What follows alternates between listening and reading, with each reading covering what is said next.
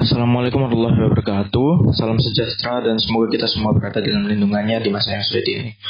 Terima kasih kepada seluruh teman-teman dan guru-guru yang sudah bisa meluangkan waktunya untuk mendengarkan podcast saya kali ini. Terima kasih pula atas kesempatan yang luar biasa untuk saya bercerita dan sekarang pada kesempatan kali ini.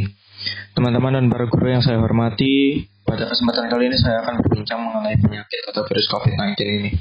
Virus ini bisa dibilang virus yang berbahaya karena penyebarannya yang sangat cepat. Virus ini menyebar melalui udara dan menempel pada benda-benda yang ada di sekitar kita. Virus ini dapat menyebabkan kematian dan dapat menyerang pada semua usia.